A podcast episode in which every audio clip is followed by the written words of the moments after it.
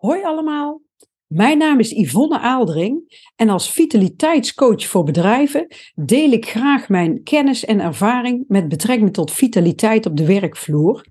En ik probeer elke keer weer een ander thema te verzinnen en um, vaak komen de thema's waar ik uh, over praat, komen ook echt voort uit de praktijk, wat ik dagelijks meemaak. En um, het valt mij op dat ik de laatste tijd steeds meer mensen ook in de coaching heb, die uh, een heel vol hoofd hebben, die het heel lastig vinden om te ontspannen. He, er is heel veel druk op de werkvloer. Dus vandaag wil ik het hebben over, uh, sta jij de hele dag aan? En um, ja, eigenlijk ook hoe belangrijk ontspannen is. Ik ga er allerlei tips voor geven. Dus um, ik denk wel weer een heel actueel thema. Nou ja, ons leven is natuurlijk constant in verandering. En het is echt ook een kunst om met al die veranderingen, hè, met die levensstroom mee te bewegen. Hè? En je ziet ook dat het huidige leven wat wij leiden ook leidt tot spanning. Hè? Uh, ja, we krijgen eigenlijk te veel van wat het lichaam niet wil. Hè? Zoals allerlei gifstoffen krijgen we binnen. Um, allerlei prikkels. En vaak ook te weinig wat het lichaam wel nodig heeft. En dan moet je denken aan uh, ja, vitale voeding, water, lucht, rust en beweging.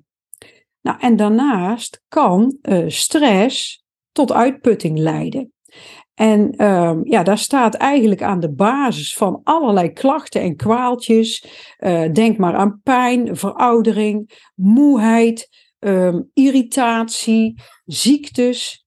Ja, en wat is nou het tegengif voor al dit soort dingen? Dat is eigenlijk gewoon rust en ontspanning. En onthaasten, hè, uh, vertragen, uh, opslomen, hè, noemen we het ook wel eens. Nou, en als je kijkt, hè, heel veel mensen verlangen eigenlijk gewoon naar rust en stilte. Maar als we kijken om ons heen, we leven eigenlijk gewoon in een ja, soort kakofonie van allerlei prikkels en geluiden. Ja, rust en stilte zijn eigenlijk naast activiteit en, en onrust een hele menselijke behoefte. Een hele essentiële behoefte. Nou, en uit onderzoek blijkt ook dat korte stiltes toelaten dat dat jouw geluksgevoel verhoogt. in activiteit of onrust denken wij vaak en zitten we in ons hoofd. Maar in stilte ga je juist veel meer voelen. Nou, en een voorbeeld is bijvoorbeeld, ik weet niet of je ooit een keer een massage hebt gedaan, maar als jij onder een massage druk blijft praten, dan gaat die energie gaat heel erg naar je zintuigen. En daarmee dus eigenlijk ook richting spanning. Waardoor het ontspannende effect van die massage eigenlijk minder voelbaar is. En je ziet ook vaak als mensen stil zijn, dat ze dan zo ontspannen dat ze zelfs in slaap kunnen vallen. Nou, zie stilte maar eigenlijk als het aansluiten van je accu op het stroomnet. Daar laden we van op. En de balans tussen activiteit en stilte, die zorgt eigenlijk ook voor um, ja, een betere balans in je lichaam. in lichamelijke activiteit maak je je lichaam sterker, maar in geestelijke stilte maak je je geest sterker. Dus de boodschap is eigenlijk ook gewoon lichamelijk meer bewegen, maar geestelijk meer stilstaan. en bijtanken, opladen. charge your battery. Maar voor heel veel mensen is dat niets doen, is dat zonde van de tijd. Ja, en als ik naar mezelf kijk, ik ben zelf opgevoed met altijd bezig zijn. Mijn moeder was altijd aan het werk in het gezin en in het huishouden. Uh, met vier kinderen was dat zeker vroeger ook noodzakelijk, hè, want je had, niet, je had geen droger, je had niet allerlei elektrische apparaten en hulpmiddelen. Maar uit hersenonderzoek blijkt dat tijdens momenten van rust onze hersenen enorm veel activiteit laten zien. Ja, vooral in de hersengebieden die gebruikt worden bijvoorbeeld voor zelfreflectie en analyse. En het blijkt dus ook dat mensen na een korte periode van bijvoorbeeld dagdromen of een dutje doen, veel beter in staat zijn om bepaalde handelingen uit te voeren. En ik heb zelf wel eens gehoord dat uh, bedrijven in China hun medewerkers een powernap na de lunch laten doen. En dat de productiviteit dan groter is dan zonder die nap. Maar ja, het probleem is dat we eigenlijk te weinig gewoon niks doen. Terwijl we hebben eigenlijk die leegte nodig maar wat we dan doen is vervolgens ons leven helemaal vol plannen. Kijk alleen al naar onze agenda's. we zien heel veel back-to-back meetings. Die zijn zo strak gepland dat er zelfs geen tijd tussendoor is om koffie te halen of naar de toilet te gaan. we gaan van de een naar de andere meeting, hup, meteen door. Want we zien dat niets doen, dat zien wij als verloren tijd. En toch is de kracht van niets doen is heel erg groot. En we zien dus ook dat bijvoorbeeld een, een volle agenda dat een soort statussymbool is geworden. als je iemand vraagt van hoe gaat het met je, dan is het heel vaak uh, ja, druk. Nou, je moet eens naar de reactie kijken als je zegt het is rustig. Nou, dan gaan eigenlijk bij iedereen alle alarmbellen rinkelen. Zover zijn we al. Terwijl in de tijd van de oude Grieken, daar was niet werken, was juist, juist iets wat men hè, nastrevingswaardig vond. Hè, um, waar er in de vorige eeuw nog genoeg lummelmomenten waren op een dag, hè, vullen wij nu onze dag met social media, met gamen, met allerlei andere onrust. Kijk, en vroeger was je offline als je weg was. Want je was niet bereikbaar met je vaste telefoon. Dus, en je had nog geen computers, geen mobiel. Dus als jij weg was, was je gewoon offline. en dan was, je, ja, dan was je in het hier en nu. Maar nu is iedereen constant middels een mobiel en het internet met elkaar verbonden.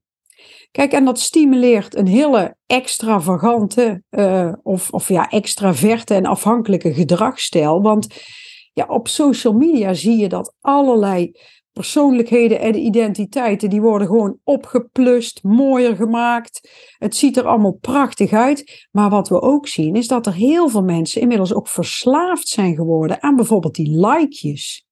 Kijk, en het echte contact is verdwenen. het, het echt met iemand live afspreken, met iemand praten. en mensen hebben het gevoel dat ze vrienden hebben, omdat ze zoveel vrienden hebben op Facebook.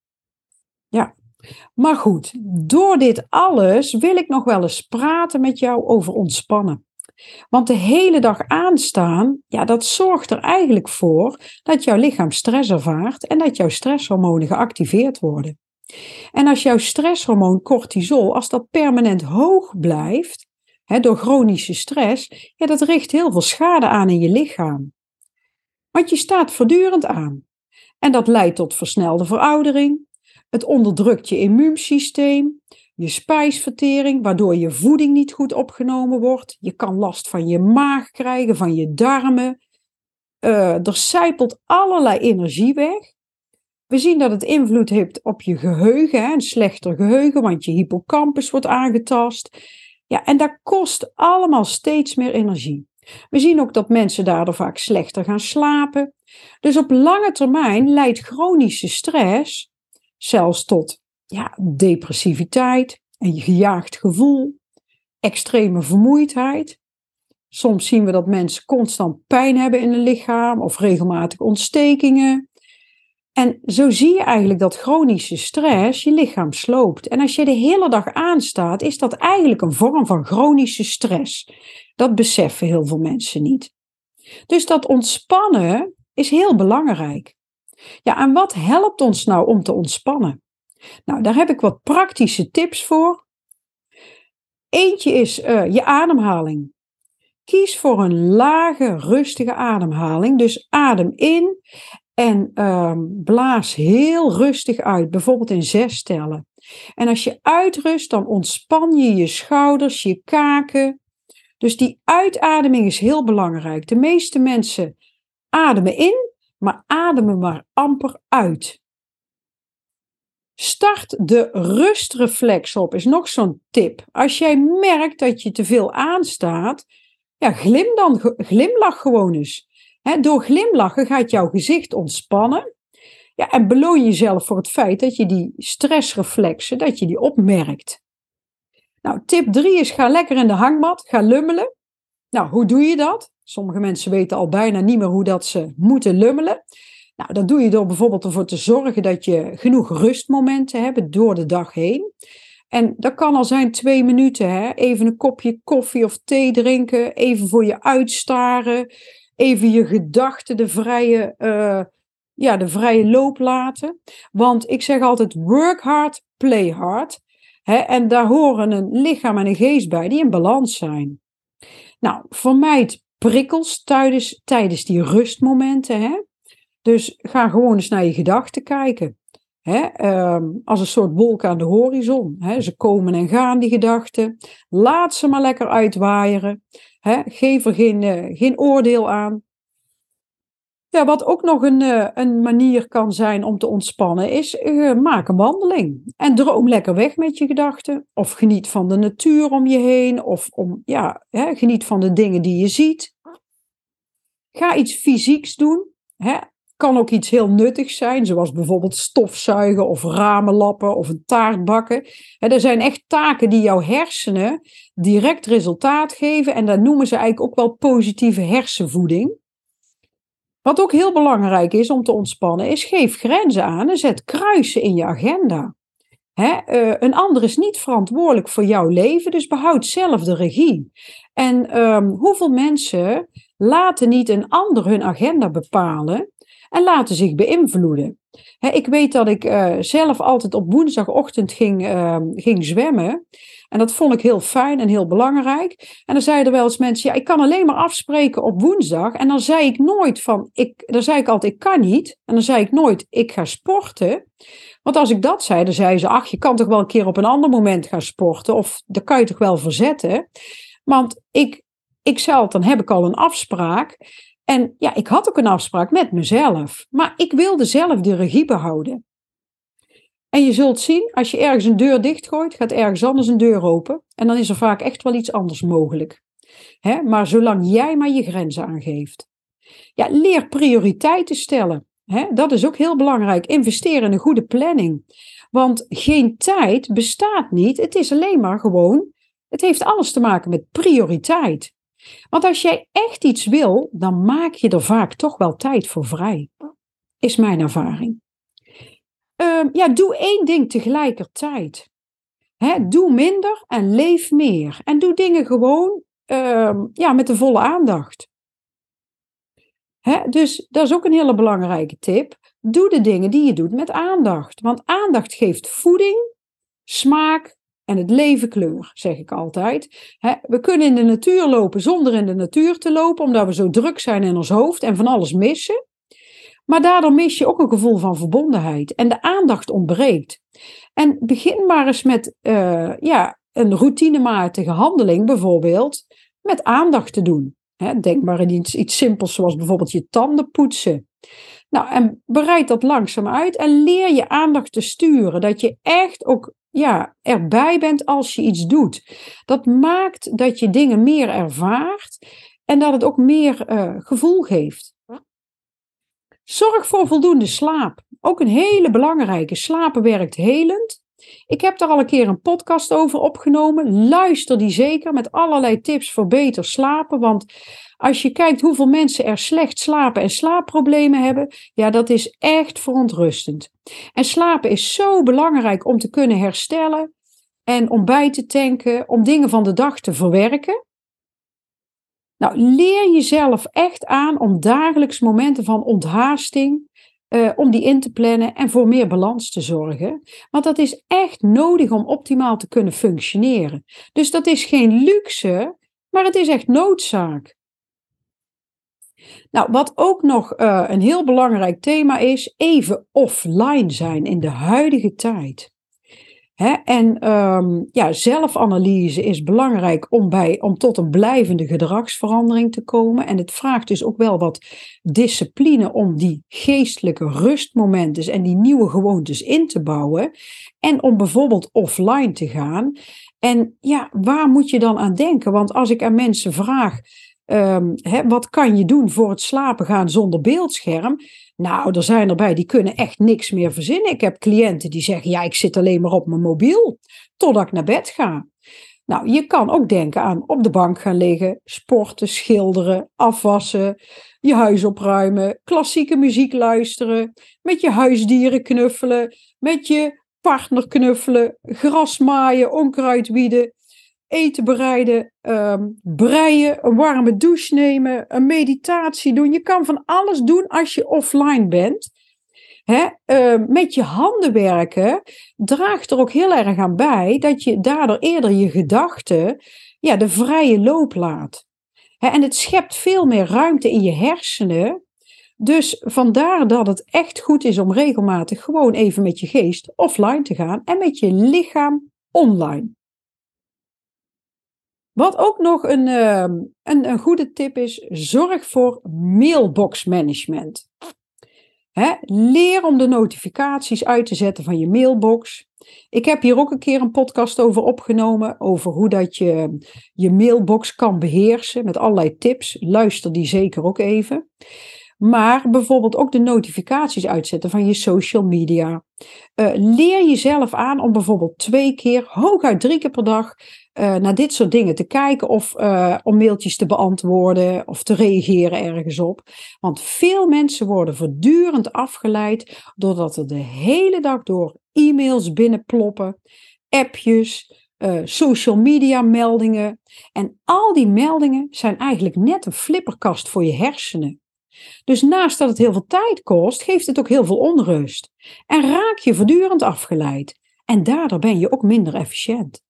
Want wist je, als je gefocust zit te werken en je krijgt een melding binnen waar je even naar kijkt, dat het daarna weer 20 minuten kost voordat je weer op hetzelfde focusniveau zit als voorheen. Dus daarom zien we ook dat heel veel dat mensen die efficiënt zijn, dat die werken met power hours. En in zo'n power hour, dan zetten ze alles uit. Al hun meldingen, hun mobiel uit, e-mail, noem maar op, zodat ze een uur lang ongestoord en gefocust aan een taak kunnen werken. Nou, en geloof me, hun productiviteit is veel hoger daardoor. Probeer het maar eens uit. Ja, en dan heb ik er nog eentje, en dat is eigenlijk ook wel een hele, hele ja, essentiële in de huidige tijd. Smartphone. Gebruik je telefoon smart, verstandig. Als mensen kunnen wij de neiging hebben om alles in de gaten te willen houden. we kunnen bang zijn om iets te missen, ook op social media. Dat wordt ook wel fear of missing out, FOMO genoemd. En de tegenhanger is inmiddels joy of missing out. Een begrip dat door een Amerikaanse blogger, Anil Dash, is uh, geïntroduceerd. Uh, want je hoeft niet, de vraag is zelfs, wat mis je? Ik kijk uh, sinds een tijd bijna niet meer op Facebook en ik mis echt helemaal niets. Het geeft zelfs heel veel rust en extra tijd. Ja, ik vind het heel bevrijdend om regelmatig mijn telefoon thuis te laten. Of um, eventjes gewoon met alle aandacht te, ja, te genieten van hè, de contacten die ik heb of de dingen die ik doe. Ja, het contact wordt veel intenser. Ja, en misschien dat je daardoor wel eens dingen mist. Ja, pech. Nou, en op Facebook en Twitter is iedereen gelukkig. Iedereen is mooi, iedereen is gezond. De virtuele wereld lijkt hierdoor mooier dan de echte wereld. Maar ja, dat is natuurlijk onzin. Dat is gewoon een lege huls. En um, ja, hè, het, het wordt zo voorgespiegeld.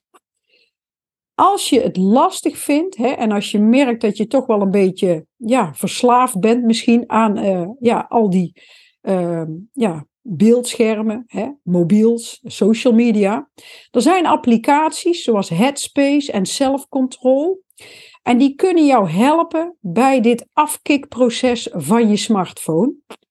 En als je weet, dat vond ik zelf wel heel verrassend, dat las ik ergens, het Marriott Hotel in Amerika, die heeft zelfs al een resort waar geen wifi is. En de vraag neemt enorm toe.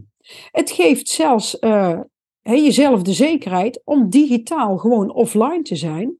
Want ja, als er geen wifi is, dan moet je wel. En het gevolg is eigenlijk een soort digitale detox. He, dus echt gaan uh, afkicken, detoxen, ontgiften. Want soms is al die berichten op social media is eigenlijk alleen maar gif voor je, voor je brein en voor je lijf.